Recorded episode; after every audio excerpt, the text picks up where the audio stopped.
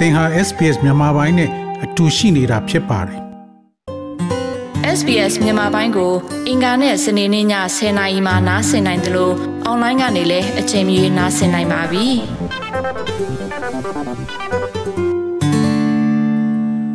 မူလိုင်းသိခင်များအခုတို့ကျွန်တော်တို့ဒီမြန်မာပိုင်းအစီအစဉ်မှာမူလိုင်းအလုပ်လဲလုပ်အခုတို့လဲ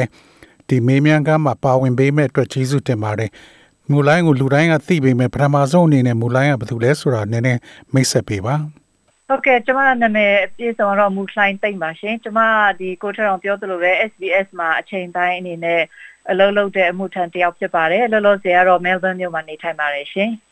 ဟုတ်ကဲ့မူလိုင်းဒီနေ့ကျွန်တော်ဆွေးနွေးချင်တာရောလေဒီမူလိုင်းရဲ့ဒီ Facebook မှာဒီကရားတို့ကရန်ကရင်နေအဲ့လိုနာမည်အမျိုးမျိုးနဲ့ကျွန်တော် ဖတ်နေရပါတယ်အဲ့နာမည်တွေကဘာလူမျိုးစုတွေဆိုတာနည်းနည်းကျွန်တော်ရှင်းပြပေးပါဟုတ်ကဲ့ဟိုအရှင်းလေးဆုံးပြောရမယ်ဆိုရင်တော့ကျမတို့ဒီဒီနောက်ပိုင်းမှာကြားကြားလာရတဲ့ greeny ဆိုတာကတော့နေမြေဒေတာကိုဆိုလိုတာပါရှင်အဲဥပမာ greeny လို့ပြောလိုက်ရင်အဲ့ဒါကလူမျိုးကိုတီးတန့်ပြောတာတော့မဟုတ်ပါဘူး။ तू ကတော့ data ပါ။ဘာဖြစ်လဲဆိုရင်တော့ဟိုအရင်တုန်းကမြန်မာနိုင်ငံရဲ့လို့လက်ရှိမြန်မာနိုင်ငံရဲ့လို့မဖြစ်ခင်မှာကျမတို့ ကရီနီဒေတာဆိုတာရှိတာပေါ့နော်။ तू ကလွန်ခဲ့တဲ့နှစ်ပေါင်း100ကျော်ဒီကြည့်ရဟိုကင်းဝင်မင်းကြီးခေပေါ့နော်။အဲ့ဒီခေမှာကင်းဝင်မင်းကြီးနဲ့အင်္ဂလိပ်တို့ဘရင်တို့ပူးပေါင်းပြီးတော့သူတို့ကအရှိအာကရီနီပေါ့နော်အဲ့ဒါကိုတီးတန့်သူတီးချလူလာတဲ့နေမြေဖြစ်သတ်မှတ်ကြောင်းဆိုပြီးတော့သူတို့အဲ့ဒီမှာစာချုပ်တွေထိုးထားတာရှိတယ်အဲ့ဒီနေ့ကိုဆွဲပြုပြီးတော့ကျမတို့ကဟိုကရီနီအမျိုးသားနေ့တို့အဲကရီနီပြည်လို့ခေါ်တော့တာရှိတာပေါ့လေ အဲဒါပေမဲ့နောက်ပိုင်းမှာကျတော့အကြောင်းမျိုးမျိုးကြောင့်ကရီနီကအဲ့ဒါကြောင့်မလို့လဲကရီနီဆိုတာကျမတို့ဒီပင်လုံစာချုပ်တွေချုပ်ဆိုတဲ့အခါမှာမတက်ရောက်ခဲ့ဘူး။ဘာဖြစ်သူကနိုင်ငံသားလိုမျိုးဖြစ်နေတယ်။ तू ကအဲ့တော့ကအဲ့အဲ့တဲ့ဖြစ်ဘလို့ observer ပေါ့နော်။စောင့်ကြည့်လေ့လာသူအဖြစ်နဲ့ပဲတက်ရောက်တယ်။ဒါပေမဲ့ तू ကအဲ့ဒီအချိန်မှာပြီးတတ်နေမြေဖြစ်နေတဲ့အတွက်သူကမပါဘူးဒါပေမဲ့နောက်ပိုင်းမှာမြန်မာနိုင်ငံက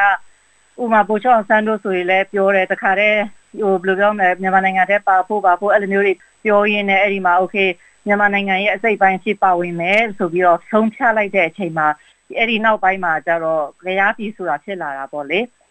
အဲ့တော့အဲ့ဒါကိုဟိုတချို့ကလည်းကြားပြည်လို့ပြောင်းတာကိုမကြိုက်ဘူးဘာဖြစ်လဲဆိုအဲ့တော့ငါသဘောတူထားတာသူတို့ဝင်ခွင့်ရှိတယ်ပြီးရင်စောင့်ကြည့်မယ်10နှစ်ပြီးရင်မကြိုက်ဘူးဆိုရင်ခွဲထွက်ခွင့်ရှိတယ်ဆိုတာမျိုးသဘောတူပြီးဝင်ခဲ့တယ်ဒါပေမဲ့တကယ်တကယ်မှာတော့ခွဲထွက်လို့မရတော့ဘူး ဝင်ပြီးပြီဆိုရင်တော့ဟိုပြန်ထွက်လို့မရတော့ဆိုတာမျိုးဖြစ်တော့အဲ့ဒီကနေတော်လန်ရေးတွေလည်းဖြစ်လာတာပေါ့နော်အဲ့တော့ဂရီနီတော်လန်ရေးတွေလည်းဖြစ်တော့ဒီနောက်ပိုင်းမှာတော့ဂရီနီဆိုတဲ့နာမည်ကိုတင်ကောသွားတယ်။ဘာဖြစ်အစိုးရတွေကလည်းမသုံးတော့ဘူးအဲ့လိုမျိုးဒီနေ့ခေတ်လူငယ်တွေဆိုလည်းဂရီနီဆိုတာမသိတော့တကယ်တမ်းဆိုဂရီနီဆိုတာဟိုနေမျိုးကိုပြောတာဖြစ်ပါတယ်။ဒါပေမဲ့ဂရီနီနဲ့ဂရီနီနဲ့အဲထဲမှာလူအများစုက ကရန်ရှိတယ်ကရန်ပဒေါင်တွေပေါ့နော်ပြီးတော့ကရားလူမျိုးရှိတယ်ကရောရှိတယ်မနုမနောအဲ့ဒါတွေရှိတာပေါ့အဲ့တော့ဂရီနီလို့ပြောလိုက်ရင်အဲ့ဒီအဲ့ဒီအထဲမှာကအဲ့ဒီလူမျိုးတွေရှိပါတယ်အဲ့တော့ကျမတို့တစ်ခါတလေကြာရင်လဲဂရီနီမျိုးနွယ်စုလို့ခေါ်တာရှိပါတယ်ဟုတ်ကဲ့အဲ့တော့အဲ့ data ဟိုကရင်နီ data ခေါ်လားကရား data လို့ခေါ်ပါလားအော်အခုခေတ်လူငယ်တွေကိုမေးတော့ green data လို့ပြောရင်တို့ကမသိတော့ဘူး ဒါပေမဲ့ဟိုတမိုင်းမှန်ကိုသိတဲ့လူဆိုရင်တော့ green ကိုပိုကြိုက်တယ်ဘာဖြစ်ဆို green လို့ပြောလိုက်ရင်အဲ့ဒီအထဲမှာနေတဲ့ဟိုရှမ်းဗမာအင်တာဟိုအိန္ဒိယအနွယ်ပဲဖြစ်ဖြစ်တရုတ်ပဲဖြစ်ဖြစ်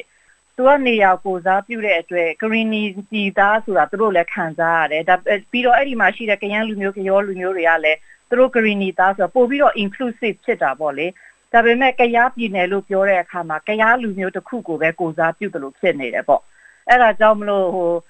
နာမည်အရကြည့်မယ်ဆိုရင် inclusive မဖြစ်ဘူးအားလုံးကိုကိုစားမပြုဘူးဆိုပြီးတော့ဒီနောက်ပိုင်းမှာလူအများစုကလည်း greeny ဆိုတာကိုပို့ပြီးတော့သဘောကျတယ်။ဘာဖြစ်သူကဟိုဒီလူမျိုးတစ်ခုကိုပဲကိုစားမပြုဥမာရှမ်းပြည်နယ်မှာဆိုရင်ပို့ရှိမယ်ဝါတွေပလောင်တွေရှိမယ်ဒါပေမဲ့ရှမ်းပြည်နယ်လို့ခေါ်လိုက်တော့အဲ့ဒီအထဲမှာတချို့လူတွေအတွက်ကဟိုသူတို့မပါတယ်လို့မျိုးဖြစ်ရင်ဖြစ်မှာပေါ့လေအဲ့ဒါ green ပြည်မှာလည်းအဲ့လိုမျိုးအရင်တော့ကတကယ်နာမည်ဟောင်းကလည်း green ပဲ အဲ့ဒါအဲ့ဒါကြောင့်မလို့ဒီမှာဆိုရင် green ဆိုတာမျိုးကိုပို့ပြီးသုံးချင်ကြတယ်ဘာဖြစ်လဲဆိုရင်ကျမတို့အဲ့ဒီဘက်က data လာတဲ့လူတွေဘယ်ဘာသာပဲဖြစ်ဘာလူမျိုးပဲဖြစ်ဖြစ် green ပြည်သားတွေဆိုတာမျိုးဟိုပိုသိစေချင်တာပေါ့နော်အဲ့ဒါကြောင့်မလို့ဟိုကရားပြည်အစား green ဆိုတာကိုသုံးလို့ရှိပါတယ်ရှင်ဟုတ်ကဲ့ကျွန်တော်အစတုန်းကတော့အခုမူလိုင်းရှင်းပြမှသိရတယ်လေအစတုန်းကကျွန်တော်အထင်ပါကဒီ Kareni ဆိုတာ Karen လူမျိုးတွေနဲ့ ဟိုနည်းနည်းလေးကွာဟသွားလို့ Kareni ဆိုပြီးခေါ်တာလို့ကျွန်တော်ထင်ခဲ့တာလေ Karen နဲ့ Kareni ဆိုတာအမှန်ဆိုရင်တော့တူတူပဲလို့ထင်ခဲ့တာပေါ့လေဆိုတော့အခုဆိုလို့ရှိရင်ဒါကလုံးဝကိုကွဲပြားတယ်ပေါ့နော်ဟုတ်ကဲ့ဘယ်လိုပြောမလဲကျမတို့ကရင်တွေနဲ့တော့ဆင်းသက်လာခြင်းတော့တူတယ်ဥပမာကျမတို့ကရင်ကရားကရမ်းပြီးတော့ပအိုးပေါ့နော်ပအိုးလူမျိုးတွေဆိုတာတော်တော်လေးဆင်တယ်စကားအရပြောရင်လည်းဟိုတလုံးချင်းပြောရမယ်ဆိုရင်လည်း ဟိုဆင်းတူတာတွေများတယ်ဗာဖြစ်လေကျမတို့ကဆင်းသက်လာတဲ့လမ်းကြောင်းတွေကလည်းတူတော့ပေါ့နော်တမိုင်းကြောင်းအရ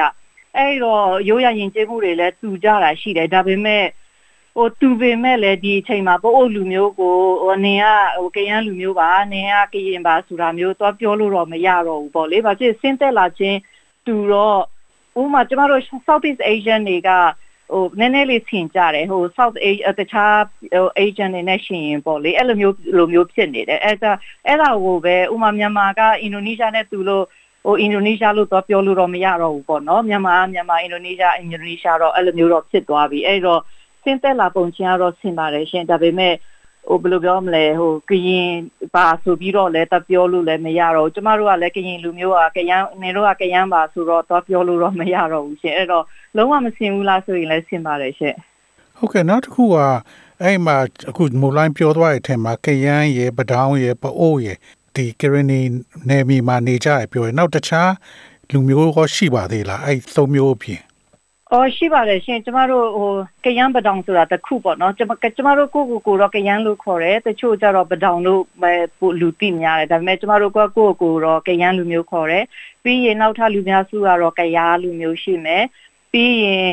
ကယောလူမျိုးဆိုတာလည်းရှိမယ်အဲ့ဒါပြီးရင်မနူးမနောတွေပေါ့နော်အဲ့ဒါအဲ့ဒါတွေလည်းအသေးဒီနည်းနည်းလူဦးရေနဲ့တော်တော်လေးကိုနေတဲ့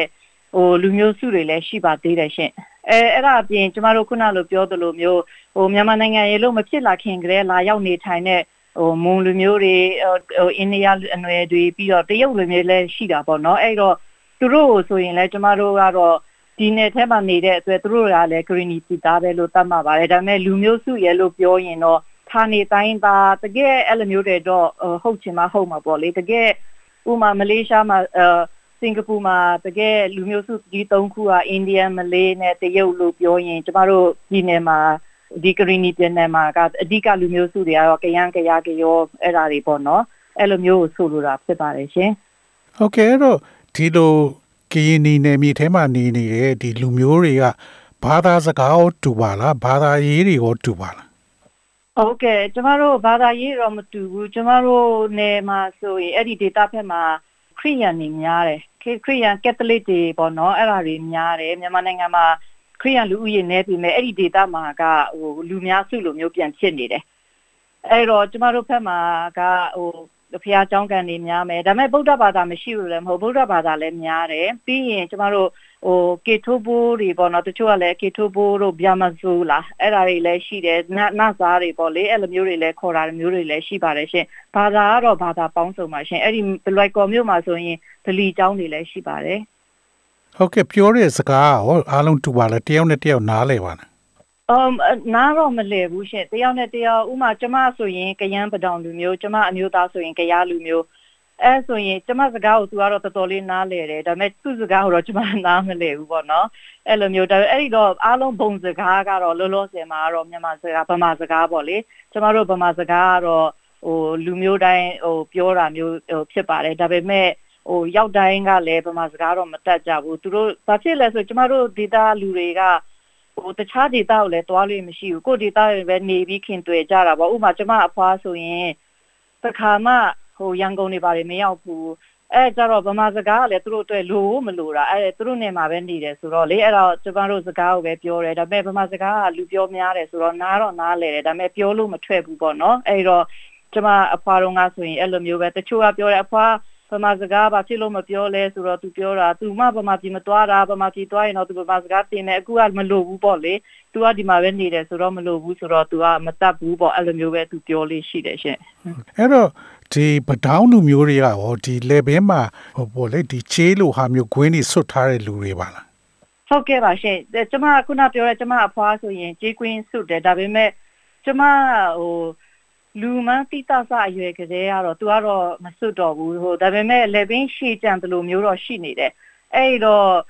ငငယ်တုန်းကဆိုရင်သူတို့ဘယ်လိုပြောကော်လန်ဆိုရင်ဟို Elvis Presley လားအဲ့လိုမျိုးဝတ်တဲ့ကော်လန်လိုမျိုးလေကော်လန်ခတ်ကြီးကြီးတွေအဲ့လိုမျိုးတွေဝတ်လေးရှိတယ်အဖွာပြီးရင်ကျမတို့ကဟိုလမ်းခေါ်လိုက်ပြီဆိုရင်ဟိုကျမတို့ဆိုခေါင်းတစ်လုံးပဲဟိုလက်ဒီလက်လို့ရတယ်သူတို့ကြတော့အဲ့လောက်ထိ flexible မဖြစ်တော့ဘူးငကိုပါနည်းနည်းလေးစောင်းပြီးမှအဲ့လိုမျိုးလက်ကြည့်ရတဲ့အနေထားရှိတာပေါ့နော်ဒါပေမဲ့ ဒီကွင်းကတော့ဒီနောက်ပိုင်းမှာတိတ်မခေစားတော့ဘူးဒါပေမဲ့ဟိုအရင်တုန်းကတော့ဟိုခေစားကြပါတယ်ရှင်အဲ့လိုခြေကွင်းစွတ်တယ်ဆိုတာရောဘာအတွက်ကြောင့်စွတ်တာပါလဲအော်အဲ့ဒါကတော့လေကိုတရောင်ကျမတို့ဘယ်လိုပြောမလဲအတိအကျရဲ့လို့တော့မသိဘူးရှင်ဒါပေမဲ့တချို့ကဟို tourist guide တွေပြောတာကြားတွေ guide မှာဆိုလို့ဆိုမဲ့ကျွန်မထင်တာအဲ့ဒါတော့လုံးဝအဓိပ္ပာယ်မရှိဘူးပေါ့နော်ဘာဖြစ်လဲဆိုရင်ဟိုအမျိုးသမီးတွေကတကယ်တမ်းပြောမယ်ဆိုတောလိုက်တဲ့လူတွေလည်းမဟုတ်ဘူးလေအဲဆိုတော့ကြား guide ဖို့ပါဖို့ဆိုတာလဲ ဟိုအမျိုးသားတွေလောက်စိုးရင်စရာမရှိဘူးအဲ့တော့ကျွန်မထင်တာကြားကြိုက်မှာကြောက်လို့အဲ့လိုမျိုးကြီးကွင်းပတ်တယ်ဆိုတာတော့ဒါကတော့ကျမတော့အဲ့ဒီအယူကိုလုံးဝလက်မခံဘူးပေါ့နော်ဒါပေမဲ့နောက်တစ်ခုဖြစ်နိုင်ချေရှိတာကသူတို့တွေရဲ့ဟိုဘယ်လိုပြောမလဲမဲမဲမဲရောလားဘယ်လိုပြောမလဲဟိုတကြားလားအဲ့လိုမျိုးတွေပေါ့နော်ဟိုပေါ်လာတဲ့အခါမှာကြည်လိုက်တော့သူတို့ကအဲ့လိုမျိုးငကားဘယ်လိုပြောငကားငကားမလားအဲ့လိုမျိုးတွေပေါ့ဟိုတောက်ပပြီးတော့မှ လေကြောင်းတွေမှာလေကွင်းတွေမှာလည်းတောက်ပနေတာပေါ့နော်အဲ့ဒီအဲ့လိုမျိုးတွေရှိတဲ့အတွက်အဲ့ဒီအတွင်တကန်ကိုယူတဲ့အနေနဲ့ဝုစားဆင်ရင်ကြတယ်ပေါ့လေအဲ့ဒါကြောင့်မလို့သူတို့ခေါင်းမှာဆိုရင်လည်းခေါင်းထိုးတွေပန်းထိုးတွေအမျိုးမျိုးလုပ်တယ်ဟိုတချို့စာအုပ်တွေမှာဆိုရင်ငကားရဲ့အမောက်ကိုအဲ့ဒီဗလဲကရန်အမျိုးသမီးတွေရဲ့အဆောင်ရောင်တွေနဲ့ရှင်ထားတာမျိုးရှိပါတယ်တချို့ကသူတို့ကပြောတာအဲ့ဒီအဲ့ဒါကိုဟိုစင်တူအောင်ဝတ်ထားတာမျိုးလည်းပြောကြတယ်နောက်ထပ်ဒဏ်ရာရည်တစ်ခုခါကျတော့ ကျမတို့ကရန်မျိုးနွယ်စုမှာဆိုရင်၄ခုရှိတယ်ရှင်အဲ့ဒီ၄ခုထဲမှာမှတစ်ခုကပဲမျိုးနွယ်တစ်ခုကပဲကြေးကွင်းပတ်တာဥမာကျမမိခင်ဖက်ကကရန်ဆိုရင်လုံးဝမပတ်ဘူးဒါပေမဲ့အဖေဖက်ကကြတော့ပတ်တယ်အဲ့လိုမျိုးကြေးကွင်းတွေပတ်တယ်အဲ့ဒီတော့တချို့ပြောတာကအဲ့ဒီကြေးကွင်းပတ်တဲ့လူတွေကတနေ့အချိန်တုန်းကသူတို့ကရွှေတွေအများကြီးရှိတဲ့လူတွေပေါ့လေအဲ့တော့ရွှေတွေရှိတော့သမီးတွေကိုဆင်ပေးတယ်ဆင်ပေးရင်းနဲ့နောက်ပိုင်းမှာじゃငါတို့ကဟိုပတ်စံရှိတဲ့အမျိုးတွေငါ တို့ကအပီလှလဲလှတယ်အဲ့လိုမျိုးတွေမြင်ပြီးတော့မှအဲ့ဒါမျိုးတွေဘယ်လိုကြွားတာလဲပါတာပေါ့နော်အဲ့လိုမျိုးလုပ်ရင်းနဲ့ဟိုဘယ်လိုပြောနောက်ပိုင်းတော့လဲကြီးတွေဖြစ်လာတယ်ဆိုပြီးတော့အမျိုးမျိုးပြောကြတာပေါ့လေဒါကတော့ကျမတို့မှာဘယ်လိုမျိုးလဲဟိုရေးထားတဲ့သမိုင်းတွေလည်းမရှိတော့ဘူးဆိုတော့ဘယ်ဘယ်ဘယ်ဟာကိုယူရလဲတော့မသိဒါပေမဲ့ကျမတော့အဲ့ဒါတွေကတော့ဥမာငကားမဟိုဆင်သူအောင်ယူတာတို့ရွှေသွေးလို့ ဟိုကြွားတဲ့အနေနဲ့ဝုစင်တာလို့ဆိုနည်းနည်းဖြစ်နိုင်ချေရှိတယ်ပေါ့နော်ကြားကြိုက်မှကြောက်လို့ဆိုတာတော့လုံးဝကြုတ်သိမရှိဘူးလို့ပဲဟိုပြောချင်ပါတယ်ရှင်ဟုတ်ကဲ့မိုးလိုင်းအဲ့ရရှင်းပြတာအရင်ကစိတ်ဝင်စားဖို့ကောင်းပါတယ်ကျွန်တော်လည်းအခုမှအတော်လေးကရင်နေနယ်မြေမှာနေထိုင်နေတဲ့ဒီတိုင်းသားလူမျိုးစုတွေအကြောင်းတော်လေးသိသွားတယ်လေအဲအကြောင်းကျေးဇူးလည်းအများကြီးတင်ပါတယ်နော်မိုးလိုင်းဟုတ်ကဲ့ရပါတယ်ရှင် SBS Radio App ကို download လုပ်ပြီးနားဆင်မှတ်ချက်ပြုနိုင်ပါတယ်။ဒါရိုက်သို့မဟုတ်အချိန်မြေးနားဆင်နိုင်ပါပြီ။စစ်တမ်းမှာပါဝင်နိုင်သလိုဆက်သွယ်မှုလည်းပြုလုပ်နိုင်ပါတယ်။ Google Play ဒါမှမဟုတ် App Store မှာအခမဲ့ရယူနိုင်ပါပြီ။